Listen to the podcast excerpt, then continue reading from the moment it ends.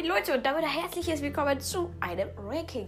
Ja, es tut mir wirklich, wirklich leid, äh, ähm, dass jetzt länger schon wieder keine Folgen gekommen sind, aber ihr seid so geil. Leute, wir haben einfach 30 Wiedergaben, 10 Wiedergaben. Es ist zwar nicht viel, wenn man bedenkt, was andere Podcasts wie Brawl Podcasts oder Rico's Brawl Podcast oder andere Podcasts noch zusammenbringen. Ey, aber trotzdem, es ist voll geil einfach. Ich freue mich richtig. Äh, ja, auf jeden Fall. Jetzt gibt es die besten drei Brawler, die, die schlechtesten drei Brawler und vielleicht dann noch ähm, Star Powers und Gadgets, die besten und schlechtesten. Das überlege ich mir jetzt noch. Aber ich habe es mir auf jeden Fall schon mal aufgeschrieben. Also, die drei besten Brawler ist ganz easy auf jeden Fall. Erster Brawler ist bei mir auf jeden Fall Mortis. Ich liebe Mortis einfach. Es ist der geilste Brawler im Spiel. Ich liebe ihn. Er ist so gut. Er ist auch mein höchster Brawler. Rang 24. Bald Rang 25, wenn ich ihn so weiter push. Er ist so gut. Der zweite Platz ist Stu. Der teilt sich den Platz mit Search. Ja, die zwei Brawler sind zwar bei mir nicht die höchsten, aber sehr gut auf jeden Fall. Also ich habe die beiden jetzt auf Rang 21, beide auf Rang 22, beide um, auf derselben Federnzahl.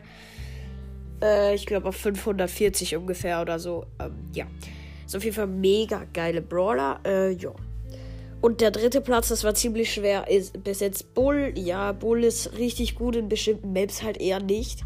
Aber zum Beispiel sichere Mitte und viele andere Maps, auch Wirbelhöhle und sowas, sind einfach geile Maps für Bull, weil, ja, Bull ist bei mir auch Rang 24. Genau, die Shelly auch. Ähm, die besetzt auch den dritten Platz mit Bull. Jo. Das waren mal die besten Brawler. Äh, ich habe zweimal, also das sind fünf Brawler eigentlich, also äh, nicht drei, aber ja, die haben sich halt die Plätze geteilt. Dann die schlechtesten Brawler meiner Meinung nach.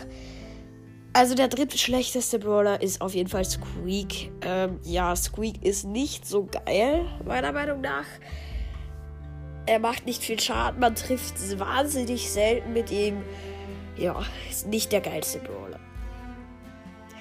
Der zweitschlechteste Brawler ist Ash und äh, Mr. P. Mir ist gerade der Name nicht eingefallen. Wow. Ja, die sind beide ziemlich schlecht eigentlich. Mr. P.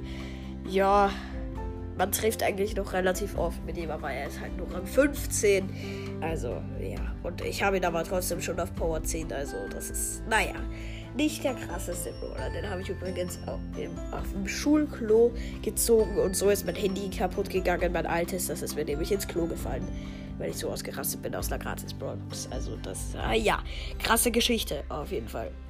Und der erst, also der schlechteste Brawler im Spiel ist Griff.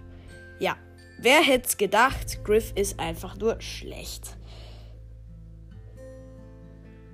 Ja, was soll man groß dazu sagen? Seine Ulti macht mega Spaß zu spielen, aber seine Attacke ist so langsam. Im Fernkampf macht er einfach nur wenig Schaden und ja, ich weiß nicht, was ich dazu noch groß sagen soll. Also meine Mutter hat gerade angeklopft, weil ich glaube, wir fahren jetzt. Äh, deshalb beende ich die Folge und mache dann nachher vielleicht noch ein, zwei Folgen. Ja. Deshalb war es das mit der Folge und ciao.